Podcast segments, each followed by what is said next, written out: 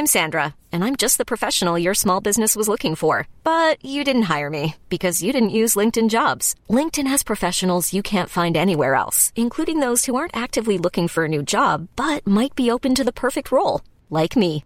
In a given month, over 70% of LinkedIn users don't visit other leading job sites. So if you're not looking on LinkedIn, you'll miss out on great candidates like Sandra. Start hiring professionals like a professional. Post your free job on linkedin.com/achieve today.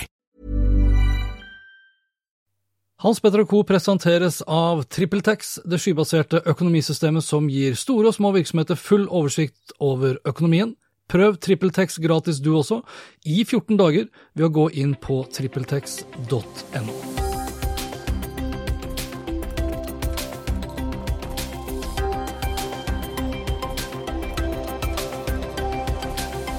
Du skal ha sovet ganske godt i timene, eller timene hvis du aldri har hørt om Oslo Business Forum, altså en lederkonferanse som ble startet for eh, tre år siden av to unge BI-studenter.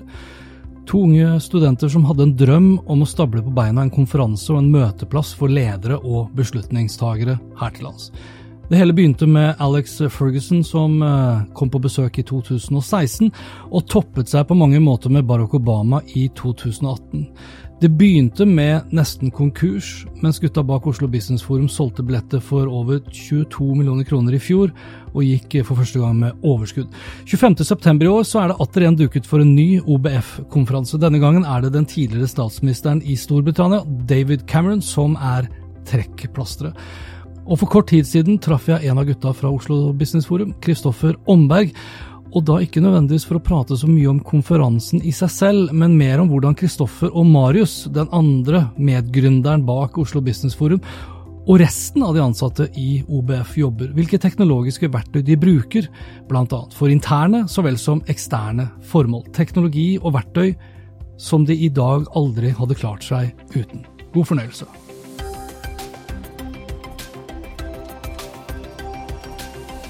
Oslo Business Forum har blitt på mange måter egentlig dømt nedenom og hjem. Nå nylig så leste vi om eh, Obama-effekten. Fornøyd med den? Jeg er veldig fornøyd. Men er du, for, altså, er du fornøyd med at det måtte Obama til for at det skulle gå bra? Eller, altså, det hadde vært bedre hvis det sto bare Omberg og um, Marius Rød Wang-effekten, liksom? Absolutt. Eh, men vi hadde, vi hadde, jo en eh, artikkel i Finansavisen for et år siden hvor, ja. hvor 20, akkurat 2017-tallene hadde kommet ut. Og da, da, så det ikke bra ut på papiret. Nei.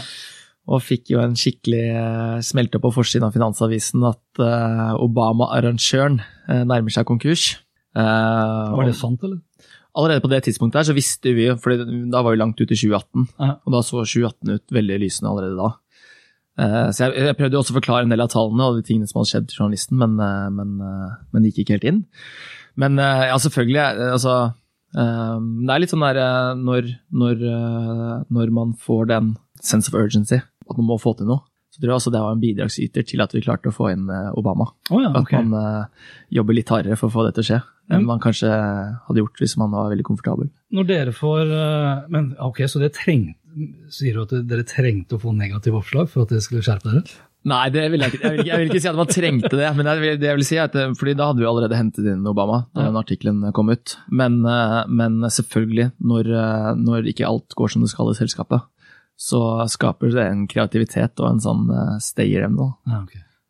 Så det, det, kan komme liksom godt ut av negative artikler òg? Ja, absolutt. Jeg slo opp, Vi skal, vi skal egentlig ikke prate så veldig mye om, om Oslo Business Forum, i hvert fall ikke selve konferansen som sådan, men um, før vi møttes så var jeg inne på Retriever, altså medieanalyseverktøy til Retriever.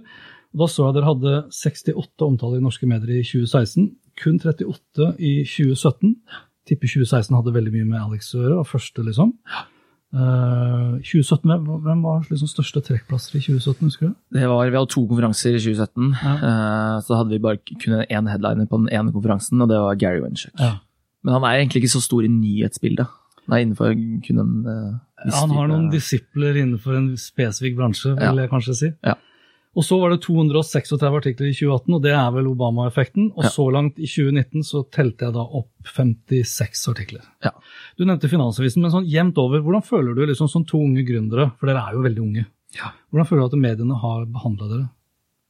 Jeg syns egentlig de har behandlet oss eh, ganske ok. Ja. Fair. eh, rettferdig.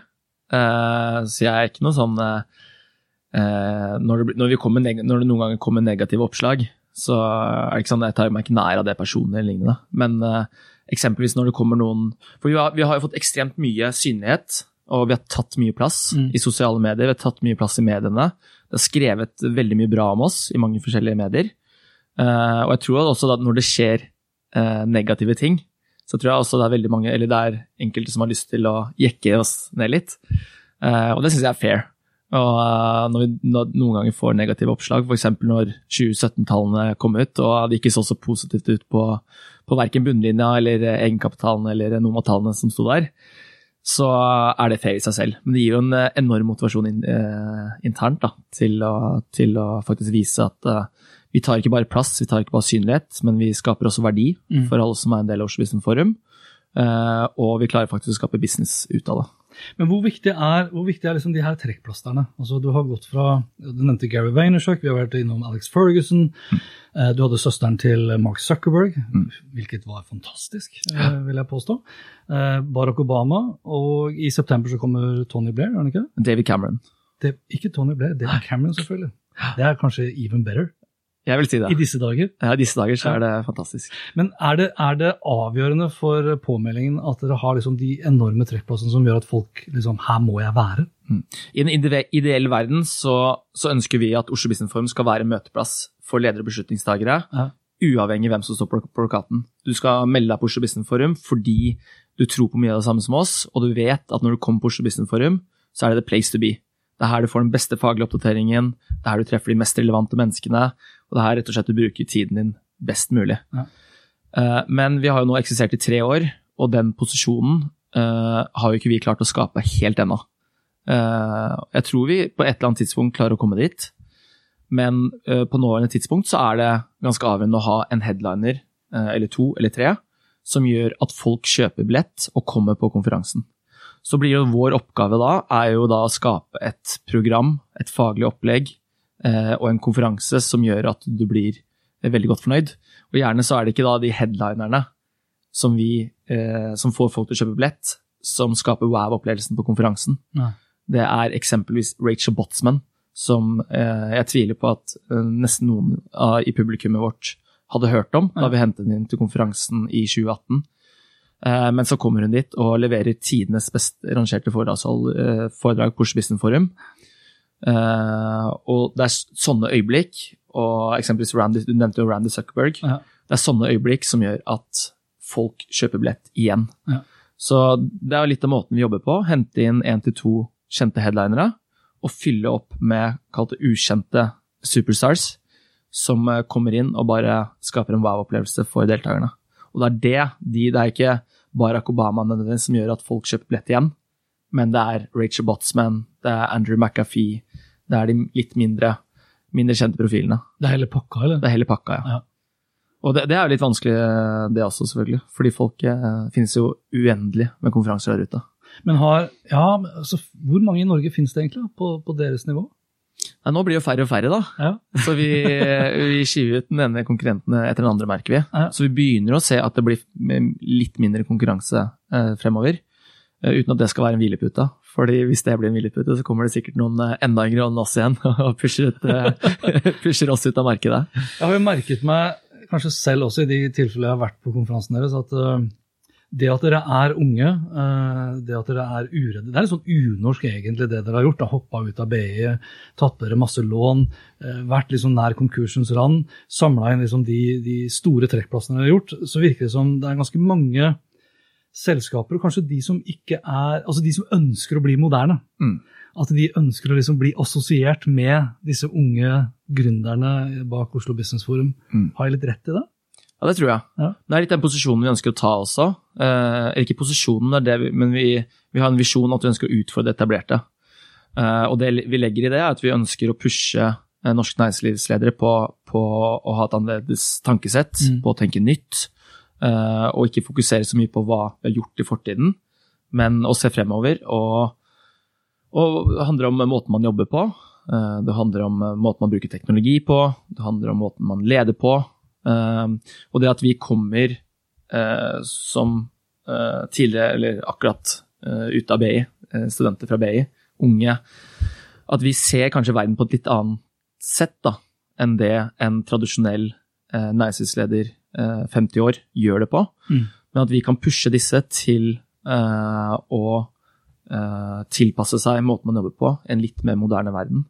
Der tror jeg vi kan, eh, eller der vet jeg også at vi eh, pusher veldig mange. Er det liksom samfunnsoppdraget deres, eller? Det vil jeg si. Sånn Nobel Og da, Men da blir dere egentlig aldri fornøyd heller, da? Nei, og det, det er jo det vi hele tiden skal strekke oss etter. Ja. Uh, og jeg husker, eh, husker da vi virkelig liksom satt dette her som en sånn viktig eh, katalysator i Oslo Business Forum og ble enige internt om det var dette her vi skulle gå, gå for. Så husker jeg at det var flere ansatte her som spurte at eh, ja, men Kristoffer, hva, hva skjer da om eh, ti år, hvis Oslo Business Forum da har vokst til å bli 200 ansatte Mm. og har blitt en av de etablerte? Er, hvordan, hvordan skal vi klare å ut, utfordre det etablerte da? Eh, men jeg tror, jeg tror ikke det handler om eh, alder. Jeg tror ikke det handler om hvor mange ansatte man har i organisasjonen, hvor lenge man har holdt på. Men jeg tror det handler om et tankesett. Uh, om at man hele tiden må pushe seg selv til å tenke nytt og annerledes. Uh, jeg synes Olav Thon blant annet, er jo et godt eksempel på det. Viser jeg en artikkel i, i DN, tror jeg, fra 2014, hvor han har begynt å leie ut hotellene sine på Airbnb i i 2014. I 2014? Og da, da sa jeg at hvor mange av dere visste om Airbnb i 2014? Og så leier Olav Thon eh, ut hotellrom på Airbnb allerede da. Det er eh, et godt eksempel på hvordan man eh, utfordrer etablerte. Altså, I 2016 da var det, det var bare dere to som var fast ansatte da? Stemmer. Du og Marius? Hvor mange ansatte er det nå i dag? Nå er vi elleve. Nå er det elleve fulltidsansatte. Ja, fulltid. Hvordan, eh, hvordan hadde det vært å jobbe med Oslo Business Forum hvis ikke vi hadde hatt liksom, internetteknologi? Altså, Hvordan organiserer dere liksom, den klassiske hverdagen? Det tror jeg, det tror det hadde vært ekstremt vanskelig. Jeg tror det er det som har muliggjort at vi kunne ta en sånn posisjon på, på så kort tid.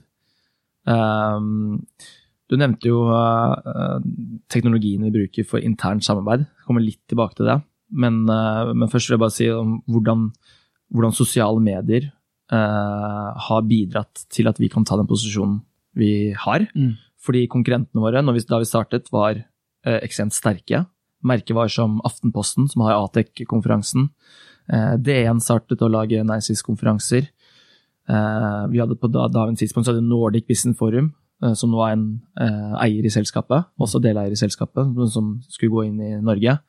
Og mange av de største bedriftene også så lagde sine egne konferanser. Så vi hadde DNB Next, og vi har alle disse internarrangementene. Så konkurrentene var jo ekstremt mange. Så vi visste at eneste måten vi egentlig kan skille oss ut på, det er at vi kan bli best på markedsføring, og vi skal løpe fort. Vi skal teste ut ting. Så vi startet jo å lage masse intervjuer. Vi intervjuet jo deg blant annet i starten, og publiserte små, korte videosnutter på Facebook og i sosiale medier som gikk viralt. Vi startet med webinarer. Vi hadde webinar med Petter Stordalen med 12 000 deltakere på. Ja, Det tror jeg faktisk jeg var med på, på FIF. Stemmer. Ja.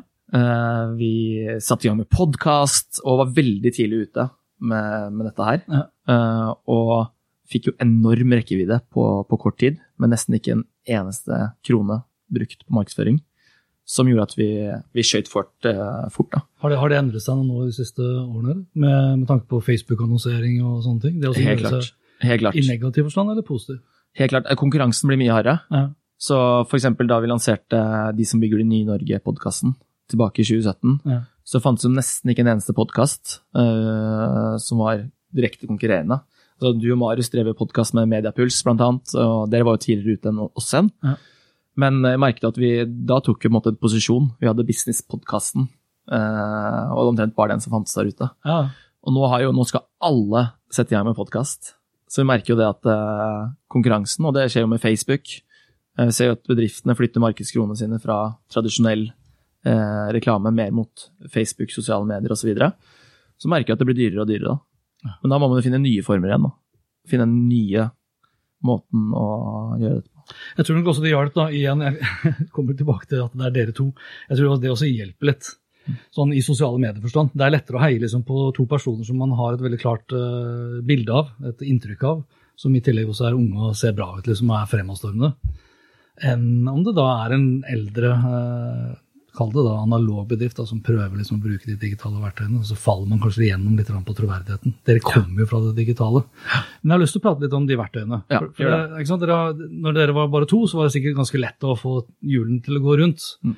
Men for en bedrift nå i dag som er liten, mellomstor og for så vidt stor, som kanskje sitter og hører på, så er nok de også litt interessert i å tenke liksom, hvilke verktøy er det dere bruker? Ja. Eh, Trello, eh, Slack, eh, Facebook at work, altså hva er det dere, hva det dere har falt ned på, liksom?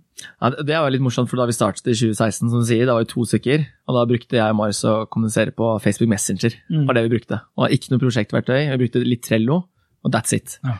Så ansatte vi jo første personer i januar 2017, og da han ene som ble ansatt av Thomas, Uh, og han ble ansatt som eh, ansvarlig for all kommunikasjon og markedsføring i Oslo Business Forum. Og det første han gjorde, var at, eh, å sette i gang med Slack. Det er det viktigste vi har, eh, verktøyet vi har brukt. Even on a budget, quality is non-negotiable. That's why Quince is the place to score high-end essentials at 50 to 80% less than similar brands. Get your hands on buttery soft cashmere sweaters from just 60 bucks, Italian leather jackets, and so much more. And the best part about Quince, they exclusively partner with factories committed to safe, ethical, and responsible manufacturing. Elevate your style without the elevated price tag with Quince. Go to quince.com slash upgrade for free shipping and 365-day returns. I'm Sandra, and I'm just the professional your small business was looking for. But you didn't hire me because you didn't use LinkedIn jobs. LinkedIn has professionals you can't find anywhere else, including those who aren't actively looking for a new job but might be open to the perfect role, like me. In a given month, over 70% of LinkedIn users don't visit other leading job sites. So if you're not looking on LinkedIn, you'll miss out on great candidates like Sandra. Start hiring professionals like a professional. Post your free job on linkedin.com slash achieve today. for intern eh, kommunikasjon. Så vi bruker da Slack for intern kommunikasjon. Så all kommunikasjonen vi gjør internt, skal på Slack, eh, fordi det samler opp eh, all kommunikasjon og dialog. Så vi bruker ikke mail eller noen ting. Ikke, ikke mail, ikke SMS. Eh, all skriftlig kommunikasjon skal være på Slack. Det gjør det også lett, veldig lett å finne tilbake til historikk og tidligere dialog. Sånn når alt er samlet på, på samme sted. Hvilke andre tjenester er knytta opp imot Slack, da? Altså sånn Skype eller eh, Google Docs eller eh, Ja, vi har knyttet opp Google Docs for all filbehandling. Ja. Så alt av filer, dokumenter etc. ligger jo i, i, i Google Drive, som også da er koblet opp mot Slack. Eh, og det er jo masse muligheter i Slack, så jeg tror ikke vi bruker det eh, helt optimalt vi heller. Men vi kobler f.eks. opp billettsystemet vårt i, opp mot Slack. Så hver gang noen kjøper en billett, så kommer det automatisk inn en melding i en, i en Slack-tråd. ah, okay. Og da kaller vi den ding-ding. så hver gang noen melder seg på en, en av konferansene våre, så kommer det opp en ding-ding. Hvor eh, eksempel hvis du har gått inn og kjøpt billett, så står det Hans Petter Nygaard Hansen har kjøpt en standardbillett til eh, konferansen. Ding, ding, det er den gode gamle ordrebjella. Yes. Nå har han blitt digital. Ja, ikke sant? Men han lager ikke noe lyd, han bare sender ut en notification. det gjør han. Ja, Hvis ikke så hadde det vært plagsomt. Ikke sant. Og der har vi ulike grupper også, basert på, basert på hva vi snakker om. Så eksempel noen dialoger handler om eh, sosiale medier og markedsføring. Som alt som om- omhandler det, går i den kanalen. Så har vi en, eh, en gruppe for eh, høstkonferansen 2019. Så har vi en dialog som går for konferanse 2020. Har en eh, gruppe som går opp for eh, partnere og salg, eh, etc. Hvem er det som finner altså Dere bruker sikkert også Slack da, for å tenke ut sånn nye hovedtema, Mm. f.eks. på de neste konferansene. Hvem er det som tar liksom avgjørelsen til syvende og sist? da? Der har vi Vi bruker Vi, er så heldige at vi har veldig mange, kall det ambassadører og, og et, et stort nettverk. Ja. Så akkurat til nå så har vi jobbet ganske ustrukturert akkurat med tematikken. Ok. Eh, Det er en av de tingene vi har bestemt oss for å jobbe mye mer strukturert med fremover. Men eh, da rett og slett henter vi inn informasjon fra en gruppe på 20-50 personer, og for å høre litt hva som rører oss der ute. Veldig uformelt. Så eksempelvis så kan jeg kaste inn en samtale vi to har, eh, kanskje på de siste fem-ti minuttene i et møte. Bare for å høre hva du holder på med dagen, du, hvilke temaer du syns er viktige, etc. Prøve å koble inn og, og samle inn all denne informasjonen og den feedbacken vi får. Uh, og så setter vi oss ned med, med styret, uh, og med kanskje enda færre, to til fire personer, for å sette tematikk på konferansen. Slack for intern kommunikasjon. Yes. Uh, dere har et drøss med partnere. Ja. Det mangler jo ikke med partnere på stand, blant annet, og de har vel kanskje en løpende dialog med også? Ja, så noen av dem også kobler de på egne grupper. Okay. Så hvis, de, hvis de bruker Slack, så kobler de oss også hvor vi kommuniserer med disse her på Slack. Så kobler de med egen grupper. Ja. Uh, eksempelvis uh, så bruker vi et eh, PR-byrå som heter Storm. Så de for eksempel har vi en egen gruppe med. Hvor vi sitter og Er det Petter Stordalen-referansen igjen, eller? Uh, Stemmer, han eier jo 50 Ja. av Storm, det stemmer. um, og andre partnere. Men ja, Så det er internkommunikasjon. Ja. Slack. Eh, mail bruker vi helt tradisjonelt med eksternt, så lenge vi ikke uh, har puttet dem inn i Slack, fordi det selskapet også bruker Slack. Uh, så bruker vi et prosjektstyringsverktøy som heter Monday. Ok, jeg har ikke hørt om.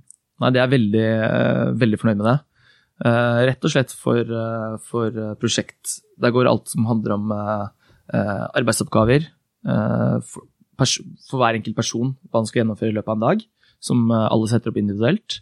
Men også for å prosjektstyre konferansene våre, for å holde, oversikt over alle Det er ekstremt mange detaljer som skal tas hånd om med en konferanse på 2000 pluss deltakere. Eh, og sørge for at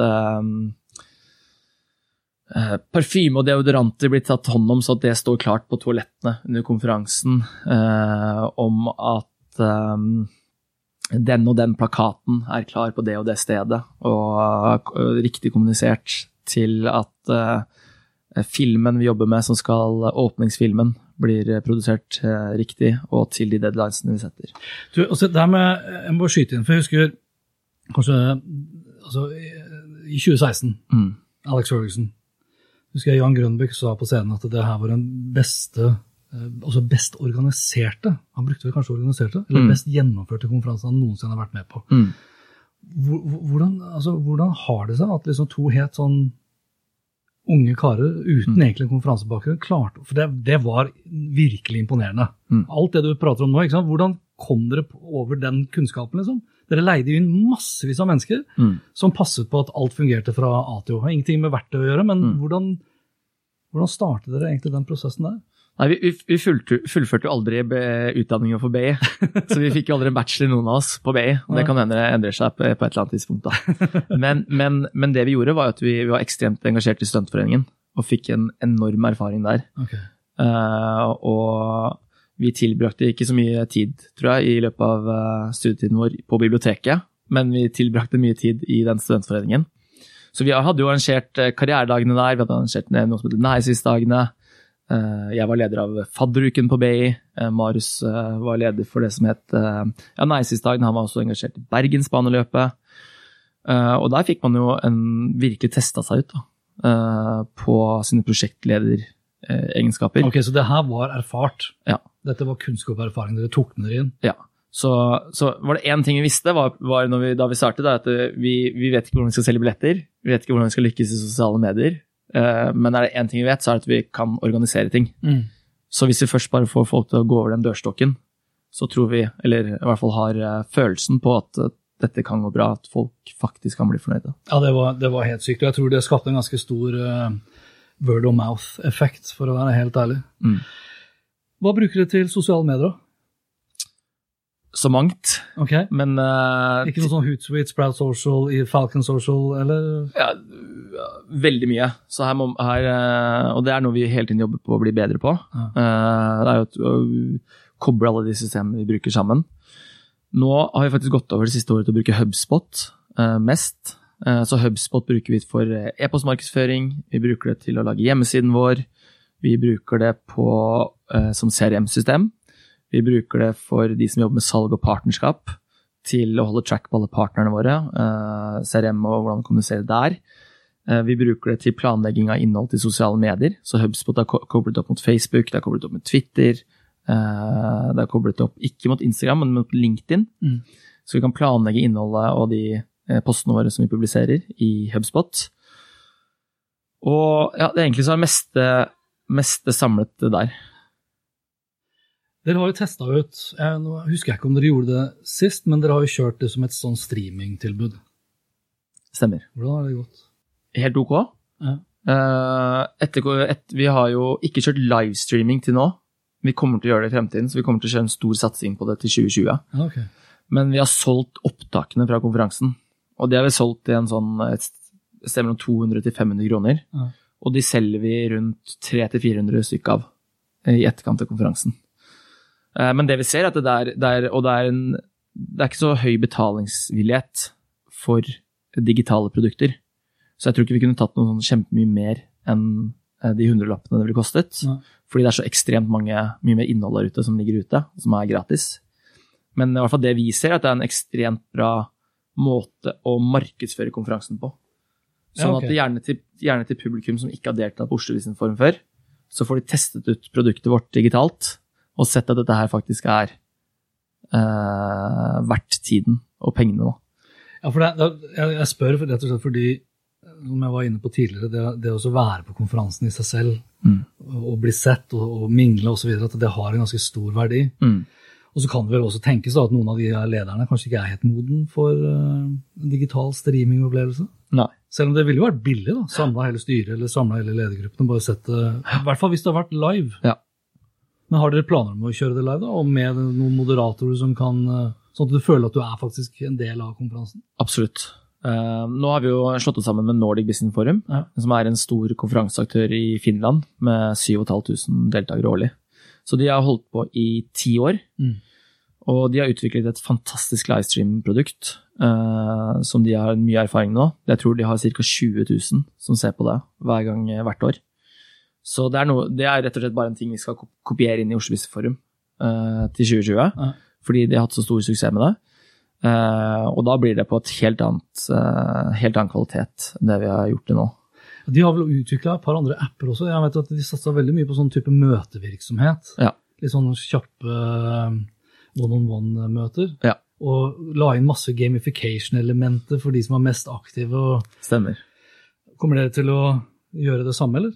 Ja, vi gjør litt av det samme allerede. Ja. Uh, og det er jo litt av den verdien hvorfor, uh, hvorfor våre deltakere er villige til å betale 5000 kroner for å delta på konferansen fysisk, uh, kontra å betale 500 kroner og oppleve den digitalt. Ja. er jo rett og slett som du sier der, at det er, det er så mange andre benefits da, av, å, av å delta på konferansen fysisk.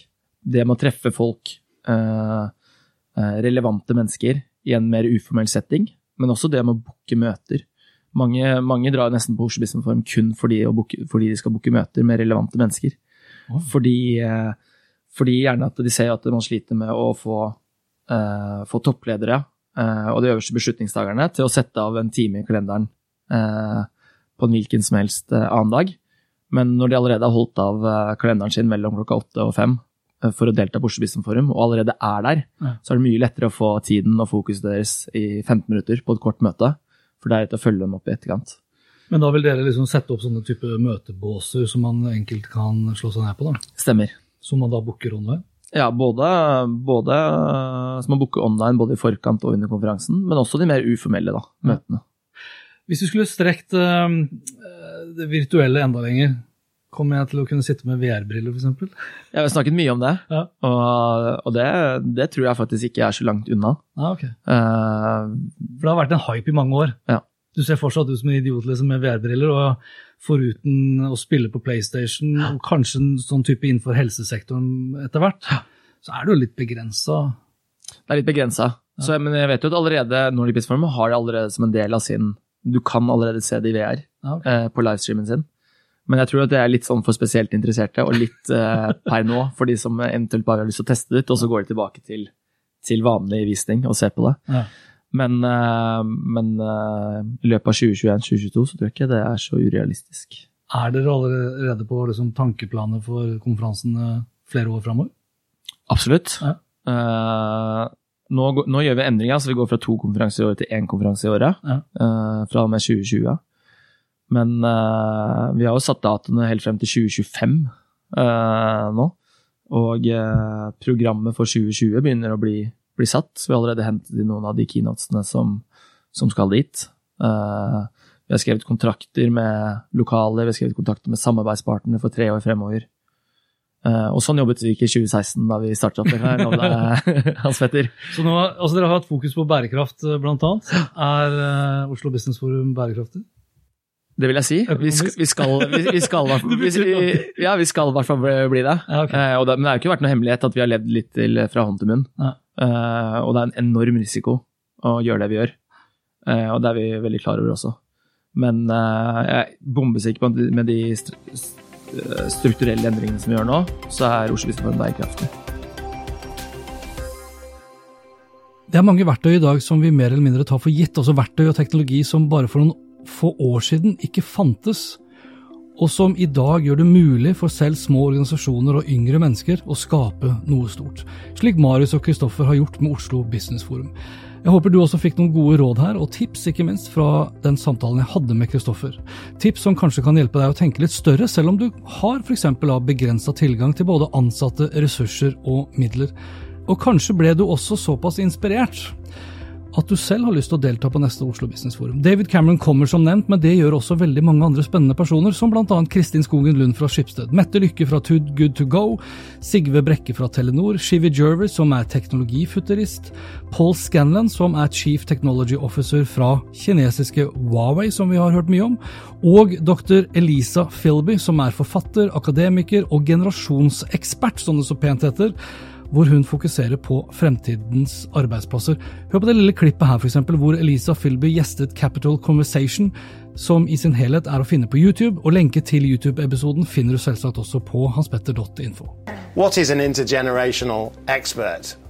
It's a title I gave myself oh, to excellent. basically address what I think is one of the looming challenges across business, which is creating generational diversity within the workplace. We've had a focus on gender diversity, focus on ethnic diversity, actually generational diversity, and getting that right is key because as you pointed out earlier, we now have four generations in the workplace. We have bo- baby boomers still clinging Og dette var det for denne gang. Likte du det du hørte og vil forsikre deg om at du får med deg de neste episodene, da kan du bl.a. abonnere på Hans Petter og Co. på Apple Podcaster. Ellers er podkasten selvsagt også tilgjengelig på Spotify, Google Podcast, Overcast, Acast og TuneIn Radio. Inntil neste gang, vær nysgjerrig, for det er den beste måten å møte vår digitale fremtid på. Hans Petter Co. presenteres av TrippelTex, det skybaserte økonomisystemet som gir store og små virksomheter full oversikt over økonomien. Prøv TrippelTex gratis du også, i 14 dager, ved å gå inn på trippeltex.no. Step onto the legendary clay courts of Roland Garros, where the world's best players battle it out for a chance to win the French Open title. Tennis Channel Plus is your place to watch. Stream every court from your phone or smart TV, live in HD. Don't miss a moment with daily live coverage and match replays on demand, beginning Monday, May 20th. Be there for all the unforgettable moments. Stream now with Tennis Channel Plus. Hey, it's Danny Pellegrino from Everything Iconic. Ready to upgrade your style game without blowing your budget? Check out Quince. They've got all the good stuff shirts and polos, activewear, and fine leather goods, all at 50 to 80% less than other high end brands. And the best part? They're all about safe, ethical, and responsible manufacturing. Get that luxury vibe without the luxury price tag. Hit up quince.com slash upgrade for free shipping and 365 day returns on your next order. That's quince.com slash upgrade.